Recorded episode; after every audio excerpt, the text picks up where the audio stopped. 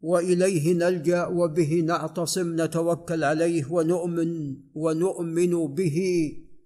ونسأله جل وعلا أن يشرح لنا صدورنا وأن يغفر لنا ذنوبنا وأن يتولانا برحمته وبعفوه وبفضله وجوده وبإحسانه وبكرمه جل وعلا. ونصلي ونسلم على نبينا محمد نبي الرحمة. صلى الله عليه وعلى آله وأصحابه والتابعين لهم بإحسان إلى يوم الدين. أما بعد فقال الإمام مسلم رحمه الله تعالى باب البكاء عفوا. هذا التبويب من النووي. باب البكاء على الميت إنما هذا التبويب من النووي.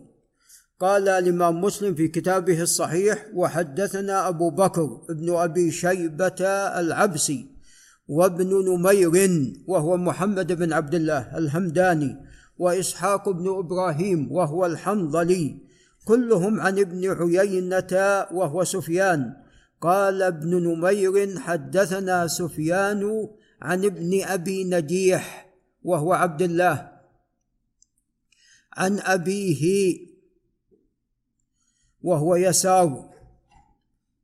نعم كذا يا أبو محمد تأك نعم أبو ناصر وهو يسار عبد الله بن يسار بن أبي نجيح. نعم.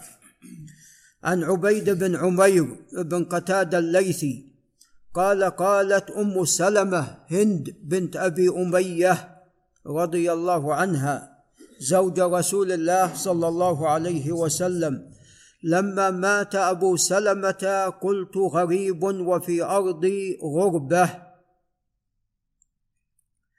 فهو مات بالمدينة وهو من أهل مكة. لأبكينه بكاء يتحدث يتحدث عنه. فكنت قد تهيأت للبكاء عليه إذ أقبلت امرأة من الصعيد. صعيد المكان المرتفع. تريد أن تسعدني أي تساعدها في في البكاء والنوح. وهذا من سنة أهل الجاهلية. فاستقبلها رسول الله صلى الله عليه وسلم فقال أتريدين أن تدخل الشيطان بيتا؟ أخرجه الله منه. اذا النوح من الشيطان. مرتين قال ذلك. فكففت عن البكاء فلم أبكي. نعم. والمشروع البكاء مشروع. وأما النوح وهو رفع الصوت بالمصيبة وبالبكاء فهذا الممنوع. قال حدثني أبو كامل الجحدري فضيل بن حسين البصري. قال حدثنا حماد يعني ابن زيد الأزدي الجهضمي. قال عن عاصم الأحول هو بن سليمان البصري. قال عن ابي عثمان النهدي وهو عبد الرحمن بن مل. قال عن أسامة بن زيد بن حارثة القضاعي ثم الكلبي رضي الله عنه. قال كنا عند النبي صلى الله عليه وسلم فأرسلت إليه إحدى بناته تدعوه وتخبره أن صبيا لها أو ابنا لها في الموت. فقال رسول الله صلى الله عليه وسلم ارجع إليها فأخبرها أن لله ما أخذ وله ما أعطى وكل شيء عنده بأجل مسمى. فمرها فلتصبر ولتحتسب. فعاد الرسول فقال إنها قد أقسمت لتأتينها. الرسول المرسل بينهما أقسمت لتأتينها يعني من شفقتها على هذا الولد. قال فقام النبي صلى الله عليه وسلم وقام معه سعد بن عبادة ومعاذ بن جبل رضي الله تعالى عنهما. وانطلقت معهم. هذا القائل أسامة. فرفع اليه الصبي ونفسه تقعقع كانها في شن. الشن القربة. ففاضت عيناه فقال له سعد ما هذا يا رسول الله؟ قال هذه رحمة جعلها الله في قلوب عباده وإنما يرحم الله من عباده الرحماء. نسأل الله أن يرحمنا وإياكم يا كريم. قال وحدثنا محمد بن عبد الله بن نمير الهمداني قال حدثنا ابن فضيل وهو محمد بن فضيل بن غزوان الضبي. حاء وحدثنا أبو بكر بن أبي شيبة العبسي الكوفي. قال حدثنا أبو معاوية محمد بن خازم الضرير.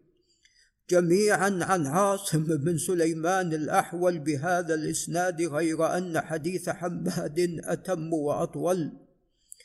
قال حدثنا يونس بن عبد الأعلى الصدفي وعمرو بن سواد العامري. قال أخبرنا عبد الله بن وهب. قال أخبرني عمرو بن الحارث الأنصاري عن سعيد بن الحارث الأنصاري عن عبد الله بن عمر رضي الله عنهما قال اشتكى سعد بن عبادة رضي الله تعالى عنه. اشتكى شكوى له فأتى رسول الله صلى الله عليه وسلم يعوده مع عبد الرحمن بن عوف وسعد بن أبي وقاص وعبد الله بن مسعود فلما دخل عليه وجده في غشية فقال أقد قضى؟ قالوا لا يا رسول الله. فبكى رسول الله صلى الله عليه وسلم. وطبعا سعد بن عبادة قد توفاه الله جل وعلا في نعم سعد بن عبادة. نعم إنما مات بعد وفاة رسول الله صلى الله عليه وسلم. وإنما الذي توفي بعهد رسول الله عليه الصلاة والسلام سعد بن معاذ سعد بن معاذ رضي الله عنه.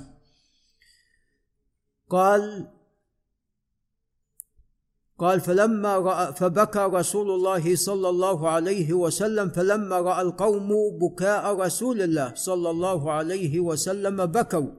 فقال ألا تسمعون؟ إن الله لا يعذب بدمع العين. ولا بحزن القلب ولكن يعذب بهذا وأشار إلى لسانه أو يرحم. قال حدثنا محمد بن المثنى العنزي البصري قال حدثنا محمد بن جهضم قال حدثنا إسماعيل وهو بن جعفر بن أبي كثير الأنصاري الزرقي قال عن عمارة يعني بن غزية المدني قال عن سعيد بن الحارث بن المعلى الأنصاري عن عبد الله بن عمر رضي الله تعالى عنهما.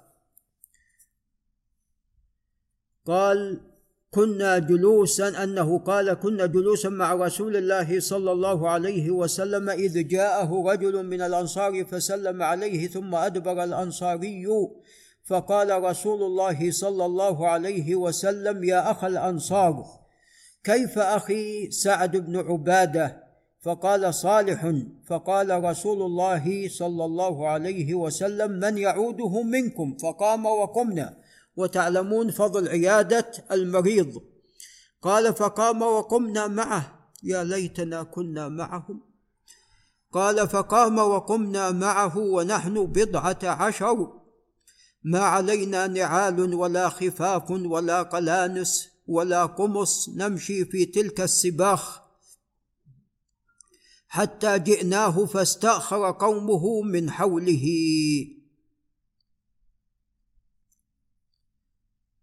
حتى دنا رسول الله صلى الله عليه وسلم وأصحابه الذين معه. عليه الصلاة والسلام ولعل نقف عند هنا. هذا وبالله تعالى التوفيق.